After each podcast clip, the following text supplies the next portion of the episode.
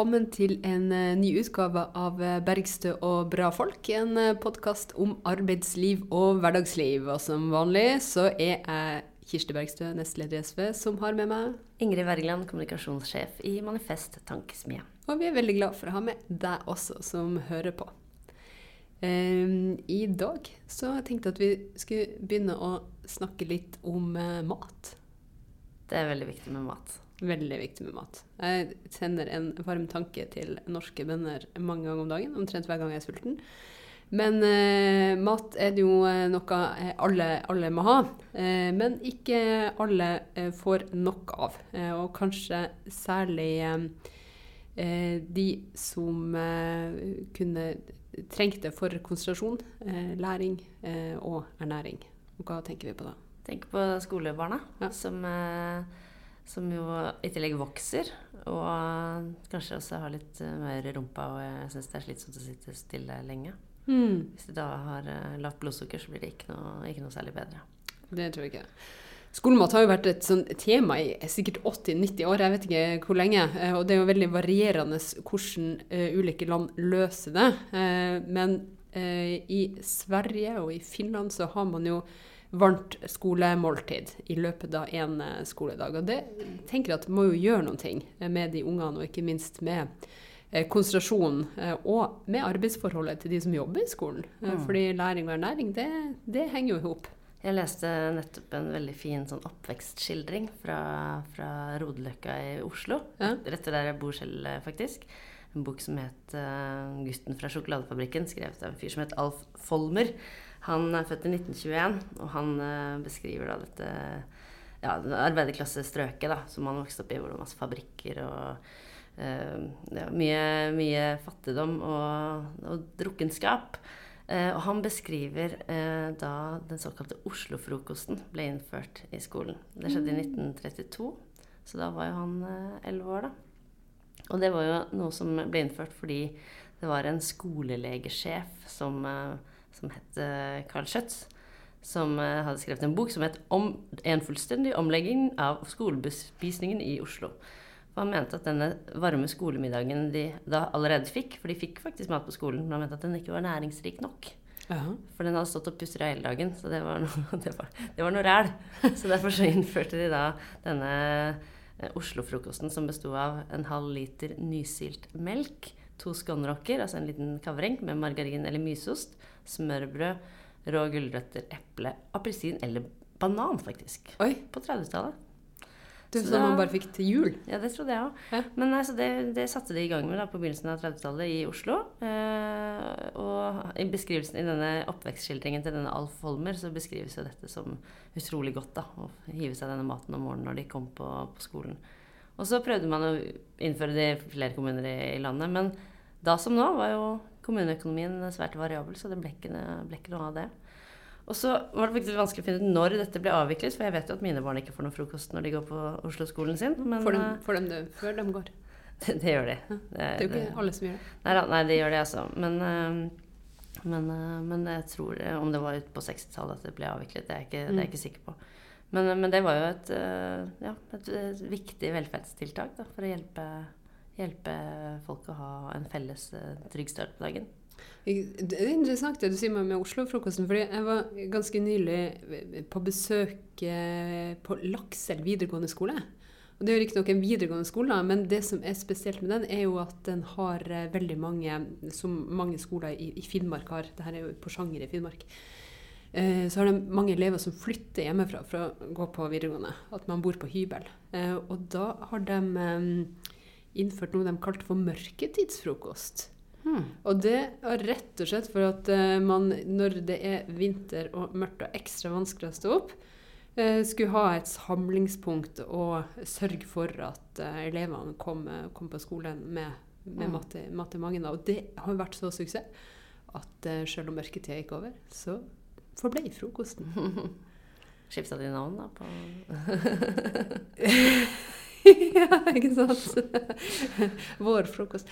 Nei, men, eh, men, Og det var en veldig sånn gledelig møte, for det er en mer entusiastisk skoleleder og, eh, og folk som, som, jobber med elever, og som setter dem i i fokus. Det skal du lete lenge etter.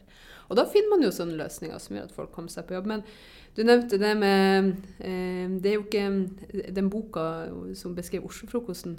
Eh, det er jo ikke den eneste boka som, eh, som har stor vekt på eh, mat. Han er fotballspilleren.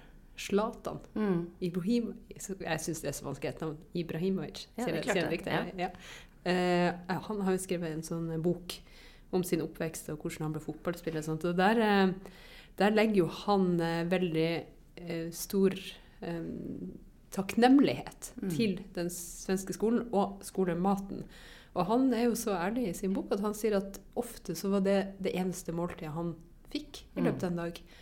Uh, og det er jo en veldig, veldig sånn ærlig beskrivelse, men også en erkjennelse av at hadde ikke man hatt det felles skolemåltidet, skolemåltid, så, så er det ikke gitt at han hadde vært der han var i dag, for da måtte jo han brukt kreftene sine på helt andre ting enn å spille fotball. Mm. Jeg hørte en, eh, en, historie om en uh, svensk uh, delegasjon fra Riksdagen som hadde vært på Stortinget på omvisning her for noen år siden. og da var det akkurat blitt avvikla dette med skolefrukt, for det hadde Erna fjerna. Ja. Tenk å ta banan fra barneneva, liksom. Hvor kjip er du da? Og så var det en av da disse En litt sånn eldre, fin, fin dame da, fra Moderaterna, altså Høyrepartiet i Sverige, som fikk høre dette. Og så, sånn, og så fikk de da også vite at ikke de har skolemat da, på skolen i Norge. Og spør sånn Men får de ingen mat i skolen? Jeg var helt sjokkert. Hva slags sjukt land er dette her? Det, litt, det, sier jo litt om uh, hvor, hvor, hvor, merkelig debatten har vært i Norge da, rundt dette med skolemat. Som er sånn Hva er det for en teit idé? Som å spise også, nå? Ja.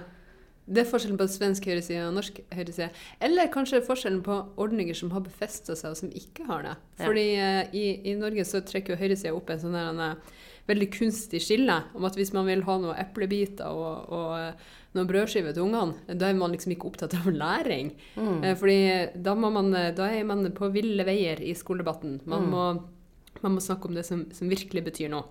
Og det er jo liksom lærer, lærer og læring. Og det er jo eh, det er jo kanskje det mest kunstige skillet som det er mulig mm. eh, å trekke opp eh, og si si at det ikke har noen ting i sammenheng. Jeg vet ikke hvor mange Høyre som har liksom gått på eh, jobb uten frokost, uh, og som tafser i seg en uh, Jafser i seg, heter det kanskje. Mer jafse enn å tafse.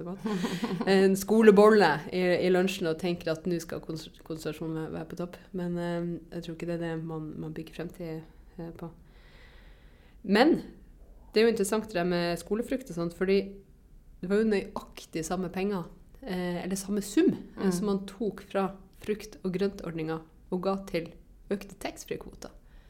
Mm. Og det er jo Man vet jo at de som handler på taxfree-en, det er jo eh, flere, altså Mesteparten av det som handles på taxfree-en, det er jo folk som reiser gjennom jobben. Det er ikke mm.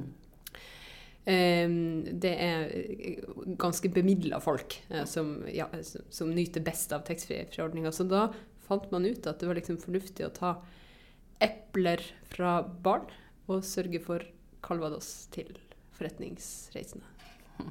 Det er dårlig fordelingspolitikk. Calvados er jo laget av epler, ikke det er derfor jeg sa det. Ah, ja, ja. Ikke sant? Men uh, du har jo tre unger. Ja. ja. Eller en skokk, som jeg tenker på. Det, det jo, og, og, det må jo være en voldsom jobb med sånn matpakkesmøring. Ja, ja altså det, det, går jo an å gjøre det. Jeg syns det var verre da de var i, i barnehagen og det var sånn derre to eller tre dager så skulle de ha to matpakker, for da var det tur. Og det var liksom, når man har tre barn, så var det liksom litt vanskelig å huske hvem som hadde tur hvilken dag. Da var det, da, det, off, da var det mye da var det mye skuffelser fra barna mine fordi de ikke hadde hatt, uh, hatt med seg de to matpakkene. Og de fortalte meg at de hadde fått av en venn. Og ja. litt sånn strenge blikk fra de barna. Sånn, ja, vi hadde jo noe knekkebrød og sånn. Nei, uff. Det var, noe, det var slitsomt. Ja. ja. For jeg tenker akkurat det med for det, det, blir en veldig sånn moralsk diskusjon, eller moralistisk diskusjon mm. også. fordi når høyresida sier sånn Nei, vi må bare fokusere på læring, ikke på mm. mat. Så sier de sånn Dette er foreldrene sine ansvar. Mm. Og så er det jo, det er jo forholdene litt ulike i de her forskjellige hjemmene rundt omkring. Mm. Både med antall unger og hvordan eh, man har det, og hvor, hvordan foreldrene jobber, og, og, hvor kaotisk det er om morgenen. Eh, så det er jo åpenbart at det går utover noen mm. hvis at man kommer på skolen uten frokost eller, eller uh, matpakke. og Derfor så er det jo stadig flere som tar til orde for at skolemat er viktig for å bekjempe ulikhet og forskjeller, de økonomiske forskjellene i samfunnet. Mm. Og Det syns jeg er et veldig klokt spor. Og det er jo kanskje det som gjør at eh, flere kommer etter. For SV var jo ensom om å snakke om skolemat og løfte frem som et, eh, som et politisk tema i veldig mange år. Mm. Eh, og så har jo heldigvis noen kommet etter og skjønt at det har noe for seg. Så håper vi at fornuften skal seire. Det er jo sånn med SV-politikk at man ofte man liksom jobber, det, jobber det frem tiår etter tiår, og så, når det liksom har satt seg, så begynner andre å komme slepende etter med litt for tunge skritt. Ja, nei, Vi får håpe det, det blir noe kanskje etter mine barn er ferdig på skolen. Men, uh, men de skal, jo ha barn, de òg? Kanskje? Ja. Kanskje. Og kanskje blir det Oslo frokostbø. Vi, vi, vi, får sjekke. Mm. Men uh, helse er jo ikke noe som bare handler om skolemat, men om uh, de som jobber innenfor, innenfor helse og sørger for at man får den helsehjelpa man trenger. Eh, og i dag så har vi en utrolig eh, flott, eh, flott, gjest, eh, som eh, representerer veldig mange av dem som, eh, som, sørger for helse og omsorg i hverdagen. Vi har nemlig med oss Siri Follerås fra Fagforbundet pleieomsorg i Oslo. Velkommen hit. Takk skal du ha. Hjertelig. Kan ikke du si litt om, eh, om, hva det vil si å være, å være i, innenfor pleie og omsorg i Oslo, og hva, hva din rolle er i, i, Fagforbundet? Du har jo ganske mange medlemmer eh, i ryggen som, mm. du, eh, som, du, står opp hver dag for å, for å bistå. Mm. Fortell litt om det. Ja, um, vi er en fagforening som er fem år gammel. Eh, i år. Vi skal ha femårsjubileum. Eh, vi, har, eh, vi, vi, organiserer alle de som jobber med pleie og omsorg i Oslo, om det er kommersielt eller ideelt eller kommunalt. På boliger, dagsentra, sykehjem, hjemmetjenester. Ja. BPA, altså brukerstyrt personlig assistanse. Alt som har med pleie og omsorg. Men når du sier dere er fem år mm. Fagforbundet Oslo hadde en omorganisering for fem år siden. Så da samla vi alle som jobba innafor pleie og omsorg, i én stor fagforening. Mm. Så da slo man sammen flere, og så ble man en ja. mektig? Vi var 16 foreninger som ble til én. Såpass mange, ja. ja. Så det er jo en allsidig hverdag, det. Mm. Ja, da er det ganske mange forskjellige yrker da, som er, er hos dere? Ja, det er det. Vi har, eh, vi har, jo alt fra renholderen til eh, Vi har jo leger òg i Fagforbundet. Så, eh, så, vi har jo alle yrkeskategorier. Vernepleiere, sykepleiere, mm. ergoterapeuter, hjelpepleiere. Ja. ja. Assistenter. Ja. Alt har vi. Mm. Hvilke utfordringer er det du opplever at preger preger medlemmene sin, sin, sin hverdag eller uh, opplevelse i arbeidslivet? Um, du har jo heltidsproblematikken, som er uh, en veldig utfordring. Nå opplever vi at vi har med oss uh, den, altså byrådet mm. i den kampen nå, men det er en lang vei igjen å gå enda. Det, det er akkurat som at politikken har ikke klart å få feste på grasrota enda. Så det er jo heltidsproblematikk, og så er det lønn. Og så er det arbeidsforhold generelt. Mm. Eh, lav grunnbemanning, som man med fordel kunne ha økt. Mm. Så man kunne springe litt mindre og kanskje få jobba litt mer. Så det er vel, det er vel liksom hovedsaken, tenker jeg.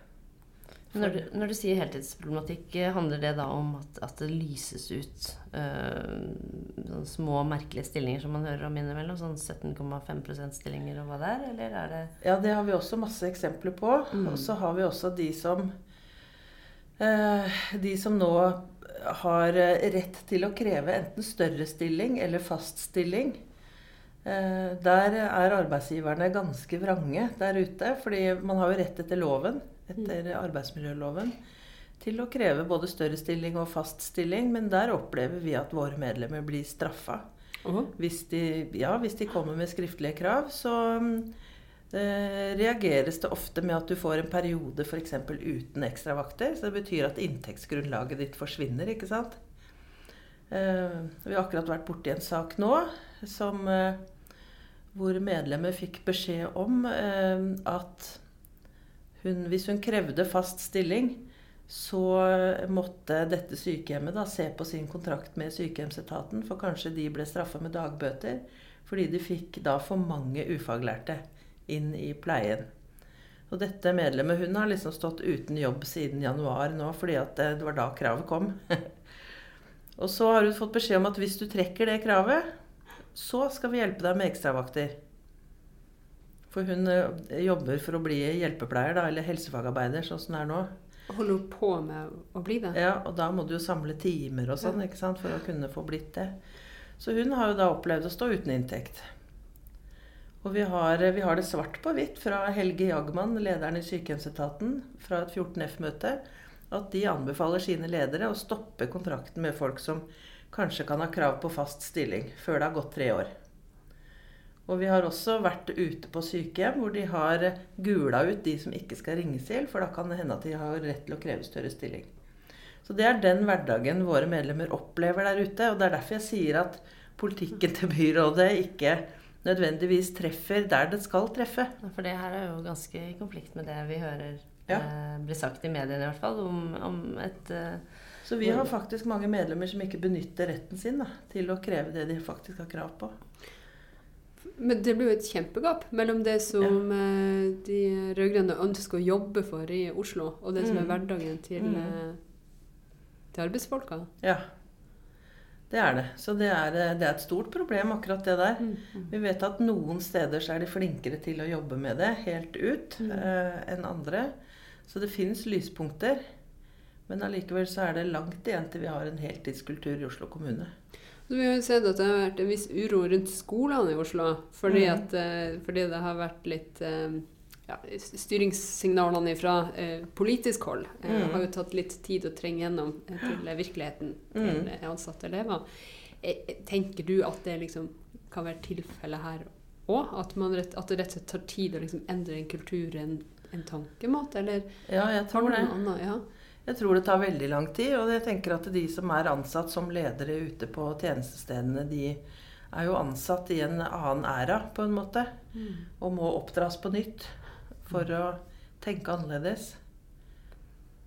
Men har dere, har dere et eh, Eller jeg vet jo at Fagforbundet har et, et faglig politisk eh, samarbeid, men får dere formidlet på en måte dette til, til politisk hold? Ja da, det har vi gjort. Mm. Mm. Hvordan mottas det, da?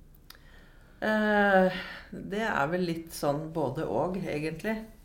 Jeg opplever ikke Altså, jeg har opplevd å levere et ark med den setningen fra Helge Jagmann til Tone Tellevikdal. Altså med byråd for uh, ja. helseomsorg. Mm. Uten at hun, hun reagerte ikke så veldig mye på det. Hun sa de bryter jo ikke loven.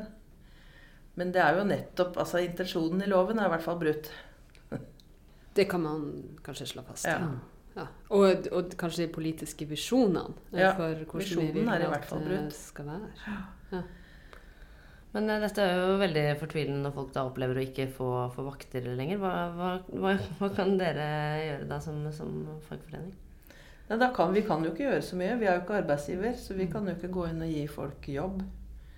Så det er jo, det er jo en avveining, da, om du tør å bruke rettighetene dine og kreve større stilling eller fast stilling, eller om du fortsatt velger å gå i uh, løse vakter. Mm. Mm. Men, men, eh, det at det fortsatt lyses ut sånne små, merkelige stillinger, er det, det er jo heller ikke liksom i tråd med, med, de politiske visjonene til, til, byrådet? Nei. Det er jo ikke det. Men hvilke forklaringer kommer det på det, da? Ja, det, det, er jo det de sier, er jo at det er helgeproblematikken mm. som er problemet. Eh, men så ser vi jo også at det gjøres veldig forskjell på yrkesgrupper ofte når det gjelder dette med helgeproblematikk. Mm. Det er en bydel i Oslo nå som akkurat har innført ny eh, turnus for eh, hjemmetjenesten. Og da for sykepleierne trengs bare hver fjerde helg. Og hjelpepleierne må jobbe hver tredje. Og de får i tillegg ikke langfri, fordi at det er jo så behov for dem. Så de, de får ikke noe, noe lengre friperioder, da, sånn som det sykepleiere får. Men det var jo i sum færre helger enn det vanligvis er i turnusene? For sykepleiere, ja. ja. Mm. Så det er, det, er liksom, det er, en del sånne litt rare eksempler da, som ja. eh, popper opp. Har tillitsvalgte vært med å, å, utforme den turnusen? Det er jo ikke alltid de har det heller. Men eh, de må jo i hvert fall være med å skrive under på en protokoll. da. Mm. Mm. Du sa jo liksom heltidskultur mm. eh, i, i, i, sted. At man, man, jobber for å få en heltidskultur. Og det er jo kanskje et litt sånn uh, nytt begrep for en del. Eh, kan ikke du si hva du legger i det du sier at man jobber for å få en heltidskultur i, uh, i kommunen? Mm. Ja, vårt syn på det er at alle skal ha rett til å ha en 100% stilling. Mm. Den gangen som jeg begynte å jobbe, så var det egentlig ikke noe spørsmål. Da, da var en jobb 100% og det har skjedd noe, tenker jeg, i løpet av de 18 åra, i hvert fall i Oslo, med Høyre-styret. Og også med den her bestiller-utfører-modellen. Når vi fikk den, så begynte forklar, man Forklar hva bestiller-utfører-modellen ja. Da har man jo noen som sitter og bestiller tjenester på vegne av brukerne, mens det er andre som utfører. Og de som utfører, kan være kommunale eller kommersielle eh, utførere. Hvordan var det før, da? Før så hadde man jo en grunnturnus som man bemanna godt. ikke sant? Og så hadde man litt mindre å gjøre i perioder, kanskje. Kanskje midt på sommeren. Eh, og da fikk man jo gjort forefallent, f.eks. For Men etter at vi fikk bestiller-utfører-modellen, så bemanna man opp etter vedtak hele tiden. ikke sant? Sånn at eh, du fikk jo da veldig mange også småstillinger på den måten. da. Mm. Fordi det ikke var behov for like mange mennesker hele tiden.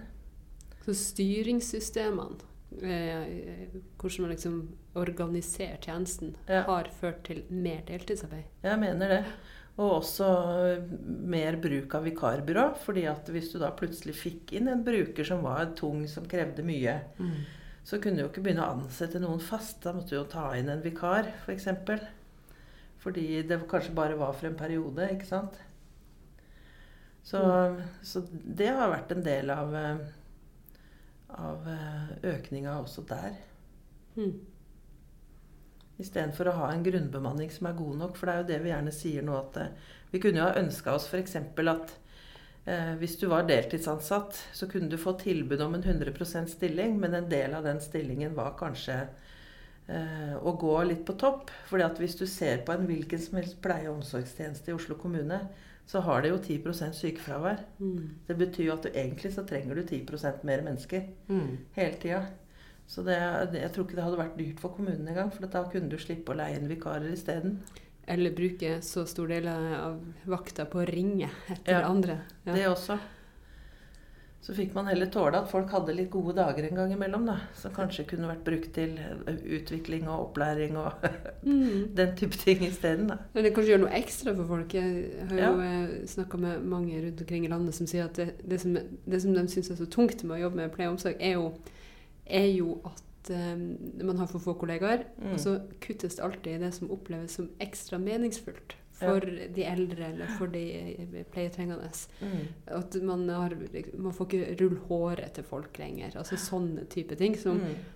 ga en god samtale og som var en fin, fin opplevelse fordi man var der for. Mm. At alt det der liksom skrelles vekk. Og da er det jo noe menneskelig også som skrelles vekk. Ja, det er det. Det er det absolutt. Men det her med heltidskultur, altså hvordan kan man jobbe for det? Jeg har jo registrert at de, eller jeg har registrert, jeg har besøkt Tromsø kommune og hørt hvordan de jobber med det. Mm. At de har en sånn her avtale da, eh, som de har inngått med fagforeningene.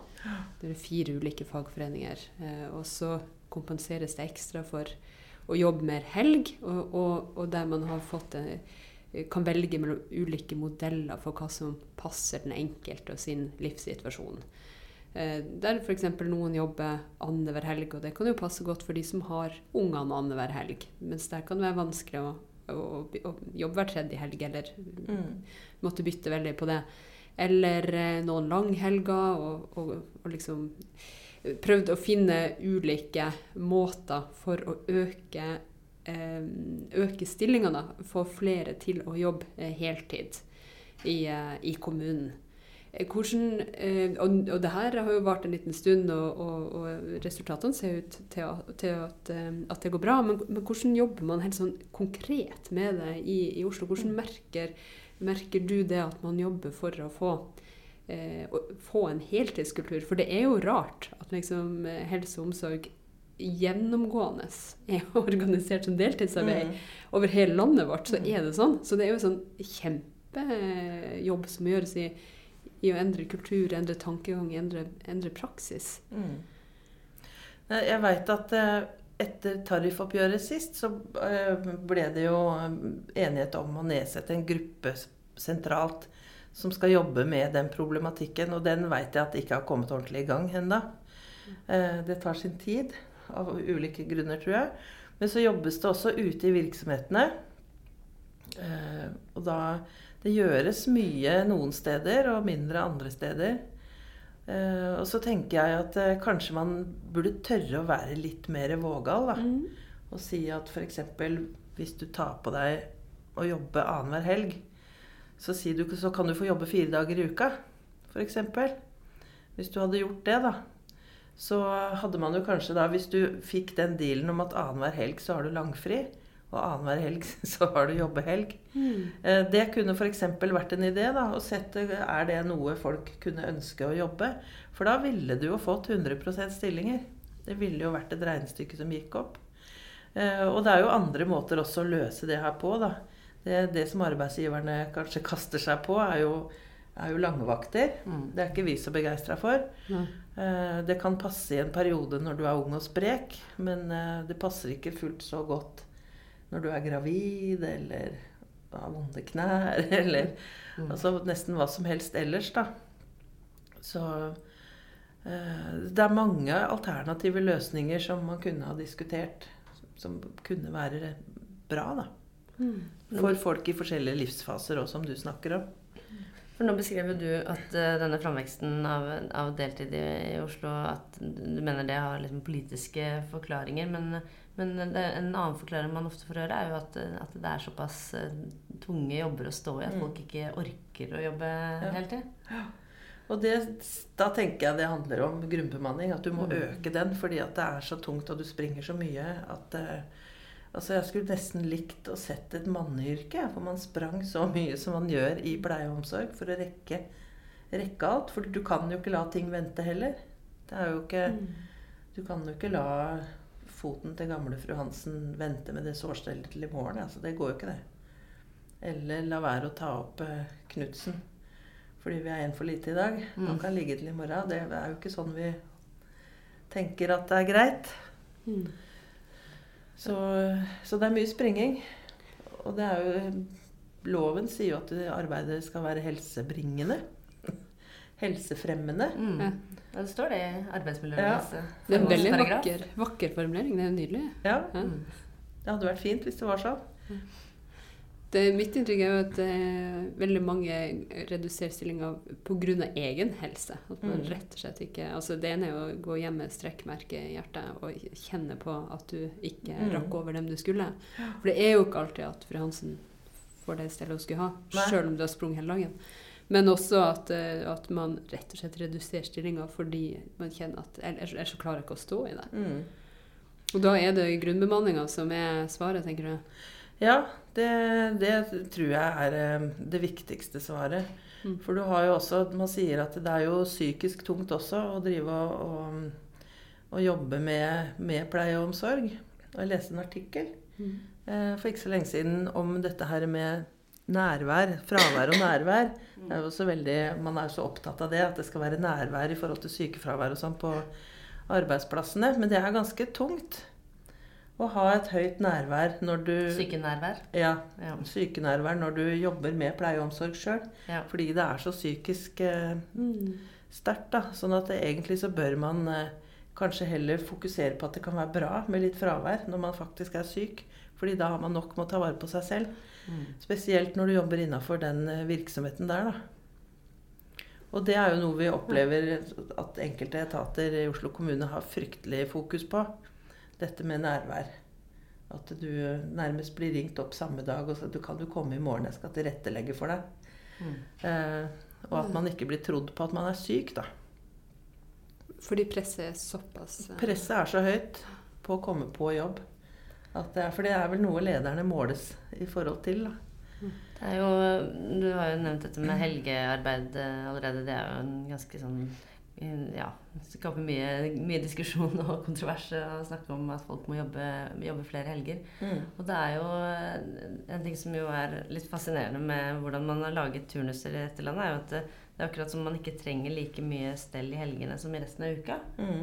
Altså, Hvordan havnet man der, liksom? At, man, at, bemanningen er dårligere i helgene. da. Mm. Og når man da i tillegg har, uh, har da ofte flere vikarer som kanskje har ganske små stillinger og kun er inne for å jobbe i helgene, så blir det jo, blir det en veldig stor belastning å jobbe eh, de helgene, mm. da. Når da kollegaene kanskje er en som ikke husker hvor stikklakene ligger, og uh, ja, mm. altså det, det, gjør jo at det, der, den, det å, At man i tillegg En ting er at man jobber allerede når kanskje resten av familien er fri og venner har det osv., mm. men når man da i tillegg er, eh, er få på jobb, da. Mm. Det som vi oppdaga spesielt det var i, i fjor i forhold til tariffoppgjøret, så skal vi ha en konfliktberedskap. Og det vi oppdaga da spesielt i forhold til de kommersielle sykehjemmene, er jo at de har faktisk helgebemanning hele uka. Sånn at vi hadde ingen vi kunne ta ut i streik. det var svært få. Mm. Og det ser vi på igjen nå. At det er, det er så tynt bemanna at vi kan ikke ta ut noen uten at det nærmest blir fare for liv og helse. Og særlig ikke hvis du har en arbeidsgiver som ikke søker dispensasjon, så er det jo Vi har egentlig ikke reell streikerett innafor i vår fagforening. Så er det Den er veldig liten. Mm. Men når du sier det, betyr det at de har uh, altså dette, er da, dette, er jo da uh, sykehjem som, har, uh, som driver sykehjem på oppdrag for Oslo kommune. Mm. er, det, er den bemanningen de har uh, innafor med tanke på hva de beskriver i sin kontrakt? Det er et stort spørsmål. Det er veldig vanskelig å undersøke. fordi det er jo en del av disse tingene som er forretningshemmeligheter. Mm. Sånn at vi får jo ikke fullt innsyn. og det oppdaga vi jo det var ett eksempel nå hvor man skal overføre Ammerudlunden sykehjem fra Unicare til Diakonhjemmet, mm. som er da en ideell stiftelse.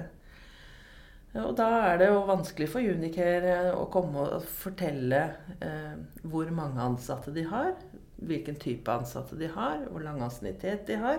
Det er forretningshemmeligheter. Ja. Og så står Diakonhjemmet der og skal overta. Okay. Eh, det er ikke så lett. Uten et planverk? Ja, så, ja fordi at det er forretningshemmeligheter, så de kan jo ikke si det. Så all denne innovasjonen og sånn man skal drive med da, i disse såkalte ja, altså, Det er jo ofte argumentet ikke sant, fra høyresiden mm. at ja, kommersielle selskaper de har drevet med så mye innovasjon, de skaper så mye nytt og sånn. Det, det, er, det, er i hvert fall ikke noe andre skal få lære noe av. det, det, er sånn, det, det skal de i hvert fall holde for seg selv. Ja. Nei, det er jo krevende. Mm. Kanskje keiseren ikke hadde så mye klær likevel. ikke sant. Mm. Men eh, ja, når vi først er inne på, på Unicare og kommersielle aktører i, i, i helsevesenet hva, hva, Hvordan er ståa i, Oslo? Vi har jo hatt eh, med, med det rød-grønne byrådet så har det jo vært en veldig tydelig stemme mot uh, etablering av flere kommersielle barnehager, f.eks. Mm. Hvordan står det til på, på helsesida?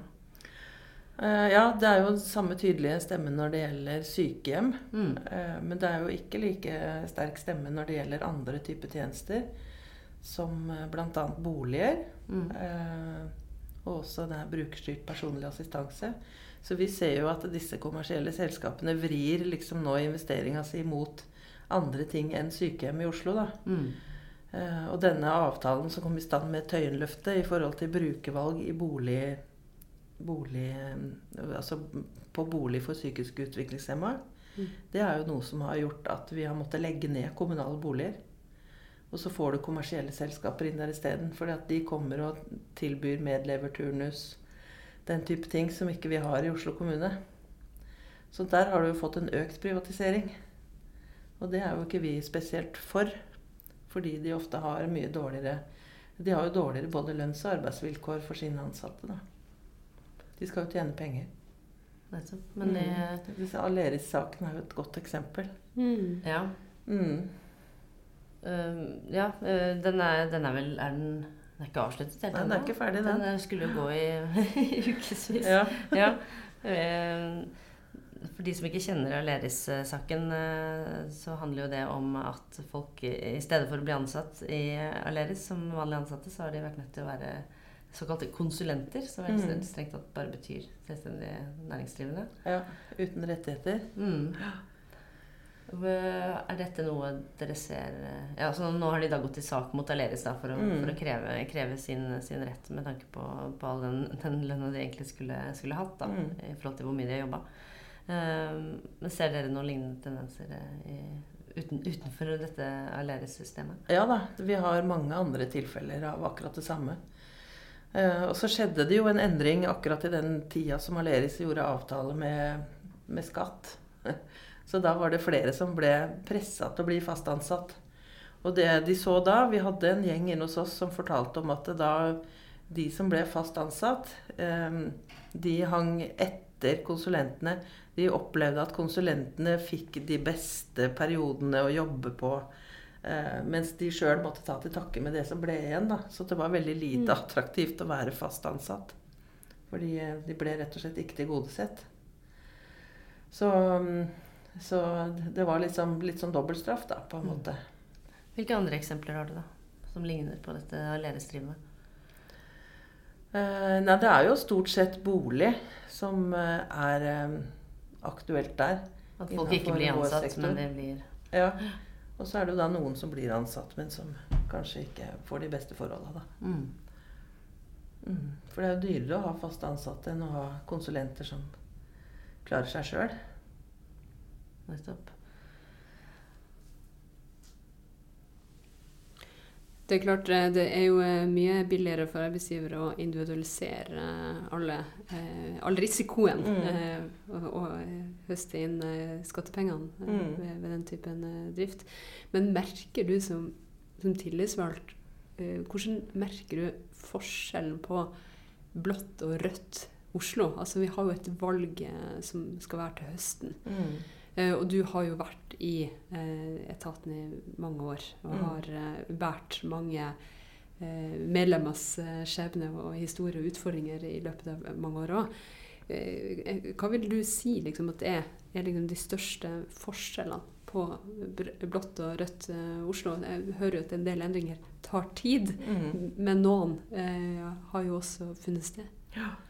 Ja, det er klart det tar tid å endre ting. Men eh, eh, kanskje det største vi ser, er vel at det har jo kommet mer penger og mer midler ut til eh, pleie- og omsorgstjenester i bydelene spesielt. Ja. Eh, sånn at du begynner jo å merke der i hvert fall de midlene som har vært øremerka. Eh, F.eks. til aktivitetstid eller altså den type ting. da. Eh, der blir det oppretta stillinger. Eh, det har kanskje vært litt verre å se, for de har jo finansiert 500 årsverk. Eh, med eiendomsskatten, ja. Med eiendomsskatten. Ja. Og det, det, er klart at du merker at det er mer penger der ute. Men eh, at det nødvendigvis har blitt 500 årsverk, det er ikke jeg helt sikker på det regnestykket. Ja. For de har ikke vært øremerka, og det er bydeler som har brukt de penga på andre ting. Ja. Så det De har vært litt redd for å øremerke for mye, tror jeg. Og det er jo noe vi kan se som kanskje negativt, da. Men det er klart det at eh, verden hadde sett helt annerledes ut ute i pleie- og omsorgstjenestene hvis vi hadde hatt et høyrestyrt byråd. Det er jeg ikke i tvil om. Og vi hadde hatt mye mer kommersielle tjenester også. Og vi veit jo det at det er våre medlemmer som betaler den regninga, da. Mm. For nå vil jo Karl Johagen fikk jo et, eh, et regnestykke nå fra byrådet uten at jeg tør å stå inne for de tallene der heller, men hvor du kan spare 440 millioner på å konkurranseutsette all pleie og omsorg i Oslo. Ja vel. Eh, og det kan du kanskje. Eh, det veit jeg ikke helt, men eh, vi veit jo hvem som får den regninga. Og det er jo de som jobber, som får dårligere lønn og dårligere pensjon. Spesielt pensjon. Ja. Men også lønn. Jeg leste om ei i dag som uh, hadde Det var 50 000 i forskjell i lønna hennes ja. på uh, kommersiell og Vi har vært oppe i folk som har hatt 90 000 i forskjell i lønn. Og vi oppdager jo stadig vekk hver gang vi går inn og skal ha lokale forhandlinger i det kommersielle området, ja. at det er folk som har under minstelønn. Som vi da må kreve å få opp i lønn ikke sant? før vi starter med forhandlingene. Mm. Sånn at det, det, er Og det er veldig mye nå. Altså det er mye innvandrerdamer spesielt som blir veldig dårlig behandla der ute, og som ikke helt veit hva som er rettighetene sine. Mm. Det viser jo bare at eh, privatiseringa er jo bare reinspikka ideologi. Det er jo den ideen om at når offentlige ansatte gjør en jobb, så er det utgifter. Mens ja. private selskap det er med press på lønn og arbeid og mm. pensjon. Og da blir det liksom verdiskapning og innovasjon. Ja. Og det her er jo, altså jeg tenker at de som er ansatt i disse bedriftene, de har jo ikke valgt det sjøl. De har jo faktisk blitt konkurranseutsatt. Mm. Uh, og der eh, ja, så står jo Carl I. Hagen der, da, som har slåss med nebb og klør for sin egen gullpensjon, og syns det er helt mm. greit at masse lavtlønte damer faktisk bare skal klare seg på en slikk og ingenting etter at de har eh, gått av med pensjon. Hun fornekter seg ikke. Nei. Hvem de forsvarer fins for. Men jeg tenkte på en ting du, du, sa her i sted, og det var det her med, med streikerett. Mm. Reell streikerett. For det er jo dere har mange kamper som det er verdt å ta, som mm. virkelig eh, trengs å tas. Mm. Eh, men at det skal uh, veldig lite til uh, før det blir uh, tvungen, tvungen lønnsnemnd, mm. og man tvinger, tvinges til å avbryte konflikten. Hva, hva, tenker du at man kan gjøre med det? For det er jo et paradoks at folk som gjør en så viktig jobb at når man legger ned arbeidet, noen av dem legger ned arbeidet, eh, så, så, blir det tvungen, eh, tvungen lønnsnemnd. Mm. Mens mm. man ikke anerkjenner arbeidet nok til å gi folk ordentlige lønns- og arbeidsvilkår mm. til vanlig. Men vi ønsker oss jo kanskje mer sympatistreiker, vi da. At man kan sette i gang en sympatistreik med en gang. Mm. Umiddelbart. Fra, ja. Fra andre deler eh, så Først og fremst så må vi kanskje gå på eget forbund, men men også fra resten av fagbevegelsen.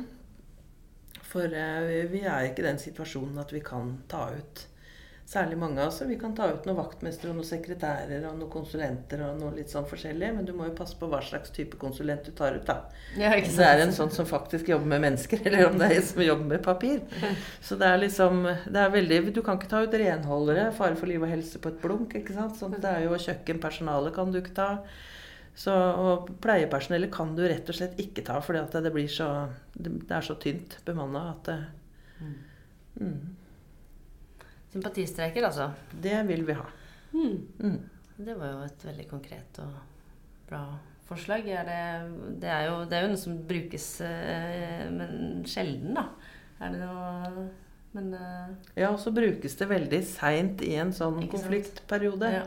Og, da, og vi kommer aldri så langt. Nei. Det er, det er liksom strekken over aldri. Ja. ja. Og det er jo ikke lenge siden man hadde en lockout-situasjon at arbeidsgiver eh, truer med lockout, og da ble det jo tvungen lønnsnevnd med det samme. Fordi mm. hvis du sier at her skal de som jobber med ja, eh, med å holde folk i live, mm. stenges ut fra arbeidsplassen, så tvinges de jo frem en, mm. en høyrepolitikk i andre enden. Ja. ja. Så det blir jo liksom det samme. Det er jo nesten det samme som å si tvungen lønnsnemnd. Ja, det er det. Ekstremt provoserende eh, mm. grep. Vi eh, har jo et eh, fast spørsmål, vi. Som vi bruker å stille våre, våre gjester. Og nå er det veldig flott at du har delt noen erfaringer fra hverdag som, som tillitsvalgt og, og utfordringene til medlemmene. Men hva, er, hva var din aller første jobb? Min aller første jobb, sånn ordentlig jobb, mm. ja, da sto jeg i oppvaska på Rødtvet sykehjem. Rødtvet sykehjem, det var det som ble uh... Det er nå Atendo. Har ja. vært kommunalt. Den gangen som jeg hadde min første sommerjobb der, så var det også privat. Da var det fru Fure som drev det sykehjemmet. Så het Fure sykehjem den gangen. Fure sykehjem? Ja, så der sto jeg i oppvaska. Ja, hele ja. sommeren. Hele sommeren. Men sola skinte utafor. Ja. var, det, var det en ålreit jobb? Ja, jeg syns det var, eh, var fint, jeg. Ja. Mm. Men jeg husker at jeg var ganske sjokkert over hvor slitsomt arbeidslivet var. For jeg kom jo hjem og satt meg i en stol og sovna da jeg kom hjem. Ja. 15 år. det, men det var fin jobb, det. Det var veldig ordentlig å ha koppene riktig oppi skapet. Mm. Var det hyggelige kollegaer, da? Ja. Gamle damer som hadde jobba der veldig lenge. Ja. Mm. Med mange historier på lager. Ja. ja. Det var det. Mm. Ja. Men det var jo et fint minne. Ja, det var det. Men jeg sitter fremdeles og tenker på de som når eh, da Rødtvet ble eh, konkurranseutsatt, Mm. så var det jo noen som mista AFP-en sin. av- Retten til å gå av med avtalefestet pensjon. Jeg husker at det var en stor sak, men der gikk vel noe Det ble en ordning der. fordi De fikk kommunen- rydda opp for, eh, for de som da altså, lå nærmest i tidsrom, da. Mm. For å De som liksom fylte 62 bare tre uker før og sånn. Ja. Mm. Så fikk de rydda opp for to. Jeg lurer på om de het Karin og Karin, eller Karin og Else, eller Ja, det var noe sånt. Mm. Ja. Ja, det. Mm. Så det, jeg vet ikke hvor mye eh, livet i oppvasken har forandra seg ut fra, ut fra eh, eiere eh, og, og struktur på, på det. Har du Skulle man tro nesten var det samme, vel? Ja, jeg tenker det. Ja, Men det en fin jobb. ja det syns jeg. Så bra. Mm. Men det er forståelig at det ikke da en 15-åring har mest overskudd eh, til eh, lek og moro, is og flørting etter eh, lange dager i oppvasken en hel sommer. Um, vi er glad Går Går mot slutten her nå. Ja, det gjør vel det. Ja. Eh, vi har, eh, så vi er glad for at eh, du har eh, fulgt med oss eh, hele veien. eh, at du lytter. Jeg håper at du vil anbefale oss eh, videre til andre. At du eh, Det går an å gå inn på denne podkastspilleren og like med masse hjert... Nei, stjerner tror jeg det er. Gi oss fem stjerner. Det er bra. Er det ikke mulighet til mer der? Jeg tror ikke det er Nei. Kanskje det er noen som har det. Du kan ha oss i ditt hjerte og gi oss ei stjerne. Fem Eh, stjerner. Fem, stjerner. det er ikke vits. Ikke, ikke gi den. Det er ikke vits. Nei, bare ingenting om snittet. Men jeg er i hvert fall glad for at du hørte på. Fortsett med det. Og abonnere er veldig viktig. Abonnere er viktig. Og hvis du har noen tilbakemeldinger, så del dem gjerne. Kirsti.bergsto.sv.no er min e-postadresse. Da ønsker vi bare en fantastisk dag videre. Takk for oss.